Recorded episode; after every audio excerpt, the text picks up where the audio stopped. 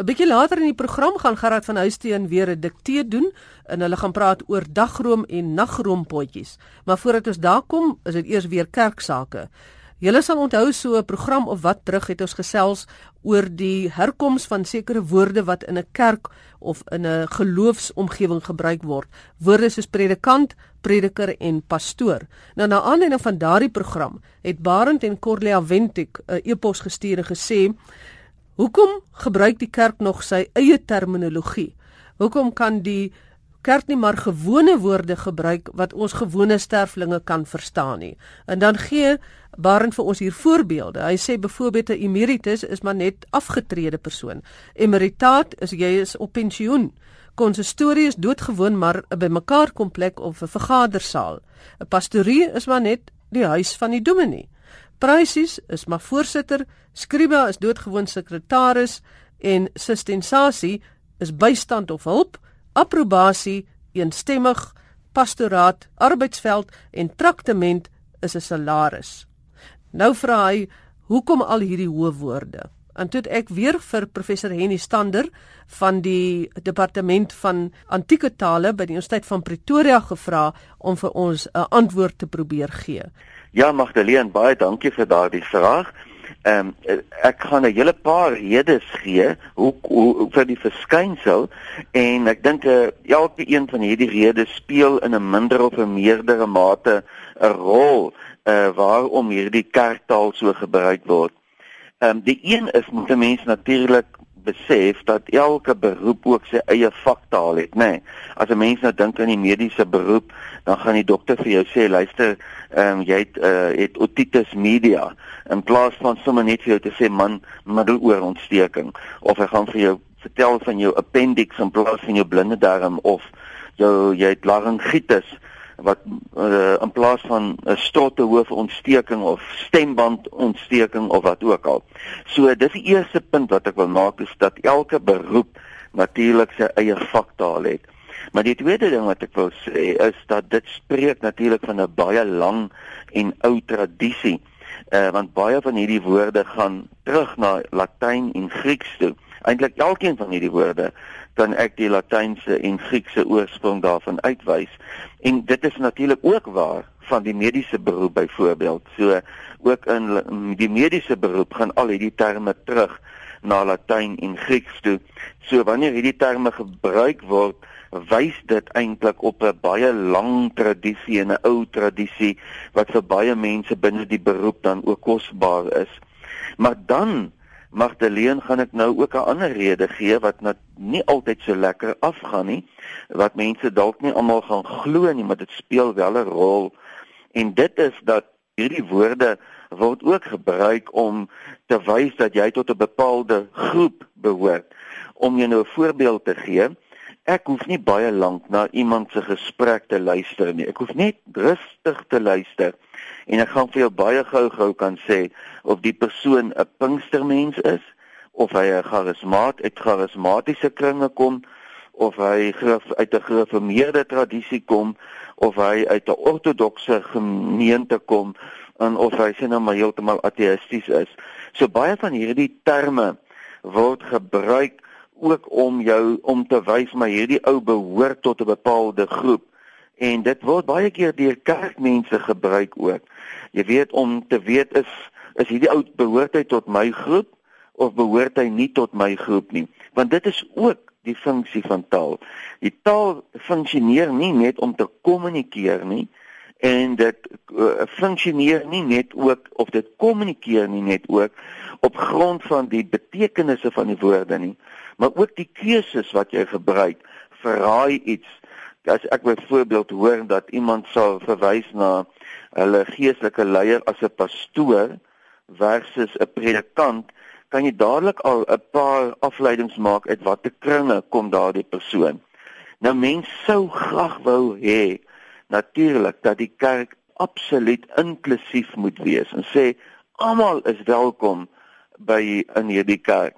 Maar die waarheid is dat as jy met lidmate praat, dan sal lidmate baie keer hierdie woorde gebruik om mense ander mense eintlik uit te sluit of in te sluit. Onbewustelik speel dit 'n rol. ek meen ek luister as ek na die studente ook luister, hulle studente taal en woorde wat hulle gebruik en ek baie gou-gou agterkom of hierdie studente inskakel by 'n um, uh, charismatiese kerk of by 'n baie tradisionele kerk net deur die woordeskat wat hulle gebruik. En 'n mens moet nie die funksie en die rol van jou kerktaal onderskat in watter mate dit daartoe bydra dat jy sê my hierdie ou behoort tot my groep nie. En natuurlik dadelik hou mense dan ook van die ou wat tot jou groep behoort. Dis mos die natuurlike. En dit is hoekom mense moet waak daarteenoor as 'n mens werklik diversiteit wil najag dat jy ook ander mense sal insluit, ook hulle wat anders is as jy en wat uh, verskillend dink van jou uh, as wat jy dink. Maar nou ja, dis dit wou ek net gesê het is ook 'n rede. Professor sou mens nie hierdie terminologie as baie argaïs kan beskou nie, dat ons sê nee, maar ons het hom nou aanbeweeg. Ja, ek dink dit is beslis so. Dit is ook baie argaïse taal en 'n mens kry hierdie soort argaïse taal ook in die regsberoep byvoorbeeld. En ehm um, dit is baie interessant eh uh, Magdalene ook dat taal en kleredrag baie keer met mekaar saamgaan. 'n Mens kry verskillende soorte kleredrag en jy kry ook verskillende soorte taal. Kom ek gee nou net 'n voorbeeld. Kleredrag kan baie intiem wees. Dit is as jy sommer so kaalvoete uh, kortbroek daar by die huis rondloop of dit kan meer informeel wees, langbroek, oopnek hemp, maar kuier jy by jou vriende of nog meer formeel wat jy pakklere aantrek of nog meer formeel as jy sê nou maar byvoorbeeld grade drag dra of so iets of by ehm, 'n um, baie deftige ete strukdas en wat ook al. En dit is interessant dat taal hierdie selfde verskillende vlakke of kategorieë het, nê? Nee want jy gaan as jy byvoorbeeld kaalvoete by die huis rondloop sekere soort woorde gebruik wat baie baie basies is en informeel is maar hoor jy op beweeg in die taalgroepe kom jy later by baie geuite taal en rituele woorde wat jy gebruik. En 'n mens sien dit dis ook binne in die kerk. Ek meen ek kan ek sal vir jou sê ek sal buite 'n kerk staan en net kyk na watse soort klere 'n mens na die kerk aantrek. En hoe watter soort klere drag dra mense binne in hierdie kerk? En dan sal ek vir jou 'n goeie beskrywing kan gee van watter soort woorde jy binne in daardie kerk waarskynlik kan verwag. Jy weet, uh, omdat ja. hierdie goed op dieselfde vlak is, soos hierdie verskillende groepe het of ta, uh, of klere, 'n uh, vlakke van klere drag, kry jy dit ook binne in in die taal. So in baie in hierdie rituele taal byvoorbeeld, jy die op 'n baie hoë vlak, op baie formele vlak, is die woorde dis baie keer baie baie geuit, nê. Nee, jy dink byvoorbeeld aan as jy iemand trou, dan gebruik jy geuite formules om daardie egpaar te trou. Ek is ook 'n huweliksbevestiger en ek weet dit word ook deur die regsmense voorgeskryf. Wat is hierdie geuite formule wat jy moet gebruik. By die gradeplegtigheid is daar uh, baie formele klere drag en die rektor of die kanselier open die gradeplegtigheid weer eens met geuite formules. En uh, so ja, ek wil terugkom na jou vraag. Baie van hierdie formules is inderdaad baie argaïs en geuite taal baie keer. Jy kan dit meer kry by ouer kerke waar mense baie ook formeel aantrek in die kerke met pakke klere kerk toe kom, die dominee baie waarskynlik ook nog 'n toga aantrek terwyl jy uh, nie hierdie taal sal kry in meer informele kerke waar mense meer uh, ontspanne klere dra ook en um, baie keer in 'n tent bymekaar kom ook of in 'n skoolsaal uh, sal jy waarskynlik nie hierdie eh, selfde woorde kry of hierdie geuite formules kry nie en hierdie argaïese taal gebruik hy nie. Baie van hierdie terminologie kan gesien word as verhewe terminologie wat eintlik nou vir eh, die gesagsfigure in die kerk en die amptdraers in die kerk in 'n bietjie van 'n hoër posisie stel teenoor die lidmate of die gewone mense van die gemeente en dit kan so in hierdie geval kan taal en terminologie eintlik verwydering tussen mense skep. En ek praat nou hier van as die amptdraers nou gepraat van sustentasie, approbasie, pastoraat, pryses ensovoorts. Ja. Kan dit nie in hierdie geval maak dat die taal eintlik mense vervreem van mekaar nie?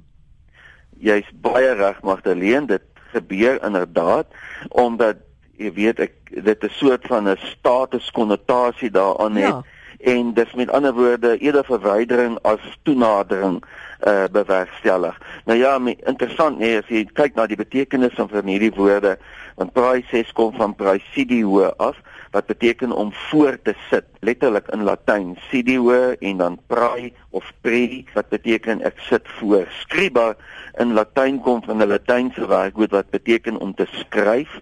Sekretaris is 'n baie interessante woord, want in Latyn beteken dit eintlik 'n vertroueling, 'n notaris en dit beteken iemand wat geheime het en uh, die Engelse woord secret, nee, kan jy ook herken in die woord sekretaris en dit is waar hierdie woord, dis die woord se agtergrond. Collecte kom ook van 'n uh, Latyn af wat uh, van 'n Latynse woord colligere en die col beteken om saam te bring en uh, ligere kom van 'n latynse woord wat beteken om bymekaar te maak eintlik. So dit beteken 'n kollekte is om bymekaar te maak. En daai ander snaakse woord wat ons nou nou gehad het, systensasie, kom eintlik ehm uh, uh, van die latynse woord af, uh, systenationem. En uh, jy kry dit ook in die Engels to sustain, nee, die Engelse woord to sustain wat beteken to support aan die woorde om te uh onderhou of om te versorg en so aan. So ja, al hierdie woorde het eintlik 'n interessante agtergrond. Jy weet as 'n mens dink aan 'n woord soos eksegese, dan beteken kom dit van 'n Griekse woord af wat beteken om te verduidelik of om uit te lê. Maar 'n mens moet ook sê party van hierdie woorde word dikwels in die moderne tyd 'n bietjie anders uitgespreek as wat dit in die oorspronklik uitgespreek is. Maar word dit nog en, gebruik? Word hierdie woorde soos approbasie en 'n prysies nog gebruik in die in die binnekring? In sekere kerke, veral in gereformeerde kerke, kerke met 'n sterk gereformeerde inslag sal jy inderdaad hierdie woorde nog kry, veral in 'n uh, kerkraadsvergadering en so aan in 'n baie formele opset of konteks, maar natuurlik nie sommer daar buite nie. Die Bybel is nou al so baie vertaal, ons het nou onlangs weer gehoor van een of ander mylpaal wat bereik is en dit is alles om die taalgebruik aan te pas en die terminologie aan te pas by die moderne hedendaagse verbruiker van die Bybel. Nou dit is is dit nie nou ook tyd dat die amptdraers of dan nou die ampte van die kerk ook gaan kyk daarna en hierdie argaïese woorde uithaal nie en bietjie moderne raak, aanpas met met selfs dit wat hulle in hulle vergaderings gebruik jy is heeltemal reg. Ek dink dit hang ook baie keer af van die ouderdom van die lidmate binne in daardie kerk. En ehm um, maar uh, jy sal baie moeilik jong lidmate en jong gelowiges na jou kerk trek as jy hierdie soort woorde gebruik. Aan die ander kant hierdie van hierdie argaïese taal gebruik. Aan die ander kant verskaf dit seker 'n soort van bietjie sekuriteit aan ouer mense wat in die gemeente is en wat hierdie taal gebruik nou al aangewoond is. Professor Henny Stander, baie dankie vir die eksegese. Jy het jou traktement verdien. En sterkte vorentoe met jou pastoraat. baie dankie. Ek waardeer die approbasie van my uh wat van jou kant af kom. Goed. Ja, en nou dit op hierdie noot tyd geraak vir ons gereelde taalspeletjie en hier is Gerard van Huisteen. Vandag is dit weer tyd vir 'n diktee. Ek lees sinne en jy moet dit skryf of ten minste dink hoe dit geskryf moet word. Ek beklemtoon en herhaal telkens die woord of frases waaroor dit eintlik gaan. Kom ons val weg met ons sinnetjie. My ma gebruik haar ou nagroom en vogroompotjies as sout en peperstelle. Ja, 'n mens kan maklik gefassineer word deur haar fatsoenlike hersekleur pogings. Kom ons vat hom weer. My ma gebruik haar ou nagroom en vogroompotjies as sout en peperstelle.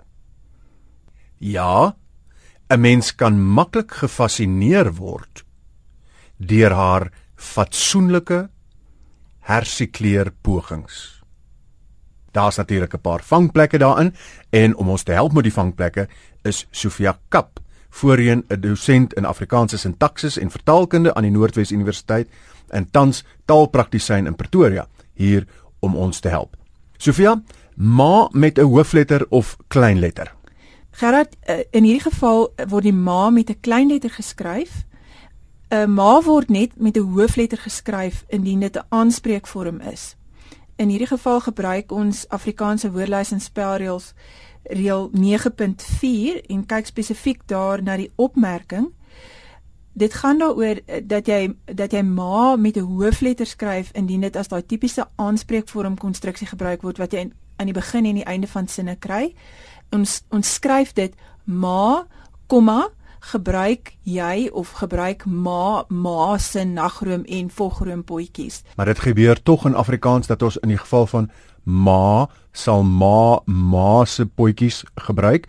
Dan skryf ons daai tweede en derde ma's wel met hoofletters, nê. Nee, al kan ons dit nie vervang met 'n hoofletter met 'n eie naam nie. Weet jy, dit is 'n reël wat lyk like my in onbruik begin verval. Ek weet baie uitgewershuise het dit al begin vervang met klein letters. Ek is nog uh van die ou skool 'n uh, bietjie reaksionêr.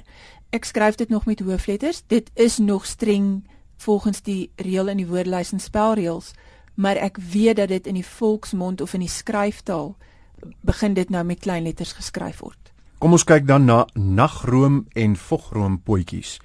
Kom ons bespreek nagroom en vogroom potjies saam met die sout en peperstelle, want dit gaan hier oor die gebruik van die koppelteken. In die eerste geval by die nagroom en vogroom potjies skryf ons hom nagroom koppelteken wat nou eintlik natuurlik 'n weglaatteken is in daai geval, spasie en spasie volgroompotjies. En in die tweede geval skryf ons sout koppelteken en koppelteken peperstelle een woord, geen spasie nie. Die rede daarvoor is dat daar 'n verskil in betekenis is. En in die eerste geval gaan dit daaroor daar's nagroompotjies en daar's volgroompotjies en die twee goed het eintlik niks met mekaar te doen nie. Dis twee verskillende entiteite en ons sit die weglaat-teken na die nagroom om aan te dui dat die potjies in daai samestelling weggelaat is. In die tweede geval is 'n sout en peperstel een ding. Dis een stel. Hy bestaan uit twee komponente, maar dis een stel. En om daai een begrip aan te dui, sit ons alles aan mekaar. Die voorbeeld wat die wat die woordelys en spelreëls vir ons gee wat eintlik bietjie makliker werk, is die swart en wit foto. Dis een foto, maar hy is swart en hy's wit. Dis nie 'n swart foto en 'n wit foto nie. En natuurlik peper met een P uh anders as in uiteraard. Anders is dit 'n Engelse peper. Presies. Dan kom ons by ja, kom aan. 'n Mens kan maklik gefassineer word. 'n Mens, moet mens sê 'n mens of moet mens sê mens? Weet jy toe ek op skool was 100 jaar gelede voor die groot trek, toe het ek nog geleer 'n mens praat van 'n mens. En dit is waarskynlik uh, om weg te bly van 'n anglisistiese gebruik van mens, soos wat ons in Engels praat van one. Maar ek kom agter daar is 'n moderne neiging om te praat van mens en dit is ook in die nuwer normeringsbronne so opgeneem. Daar was op 'n stadium 'n bloedige geveg onder taalpraktisyns oor hierdie aangeleentheid, maar dit is heeltemal aanvaarbaar om te praat van mens en om dit self so in skryftaal te gebruik. Goed, dis dan maklik genoeg albei kan. Dan kom ons by gefassineer. Gefassineer het my gefassineer. Weereens ons spel op 'n bepaalde manier as gevolg van 'n bepaalde reël of 'n bepaalde rede. In Afrikaans het ons die gebruik dat as jy 'n 'n beklemtoonde kort vokaal in 'n geslote lettergreep het, dan verdubbel ons die konsonant daarna. Met ander woorde, gefassineer gaan twee s'e hê. Uh, maar hou ook in gedagte dat ons nie hierdie woord opgemaak het of uit die lug uit gehaal het nie. Dit is 'n leenwoord. En ons het hom geleen uit Engels, maar ons het hom vertaal om te pas by Afrikaanse taalreëls en daarom het hy daai twee s'e. As hy nie die twee s'e gehad het nie, was dit gefasineer. Verwys in hierdie geval ook uh, na die woorde gebaseer en formateer. Dis die ander twee wat nogal 'n bietjie probleme veroorsaak. Gebaseer het net een s Formateer het net een T en dit is omdat gebaseer afgelei is van basis wat 'n lank lank in 'n oop letter greep het en formateer van formaat. Nie ge, dis nie geformateer nie, dis geformateer. Dit klink eienaardig en dit lyk eienaardig as ons hom so spel, maar dit is korrek met net die een T en net die een S vir gebaseer. Kan ons nie ook praat van is gefassineerd nie? Gefassineerd is heeltemal korrek, maar dit is 'n wisselvorm. Uh en dit is ook klink dit my 'n bietjie verouder. Dit is waarskynlik iets wat nog in die skryftaal voorkom. Ek weet nie of jy gefassineerd baie op 'n universiteit of in 'n skool gaan hoor nie. Goed, en dan kom ons by een van my mooi woorde in Afrikaans. Dis maar regtig so 'n mooi woord. Fatsoenlike. Gerard, die enigste mens wat ek nog ken wat fatsoenlik is, is my ouma en sy word hierdie jaar 98. Uh sy sy's 'n baie oulike tannie. Fatsoenlik word met 'n F gespel, altyd, geen wisselvorm nie. Die V variant daarvan is 'n ding wat 'n student agter in 'n kar doen. En dan kom ons by die laaste een, hersikleer pogings.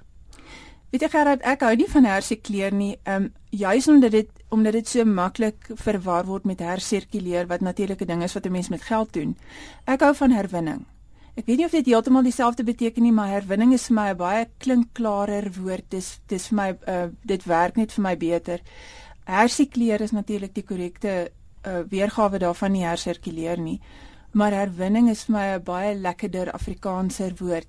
Ek is geneig as as vertaler om meer die Germaanse woord te gebruik in elk geval eerder as die Romaanse ene. En dis dan H E R W I N N I N G S P O G I N G. A vir jou vir diktee. en ek het nie eers op die papier gekyk nie. Jy's 'n eyster. Sofia baie dankie. Ons praat graag 'n volgende keer verder.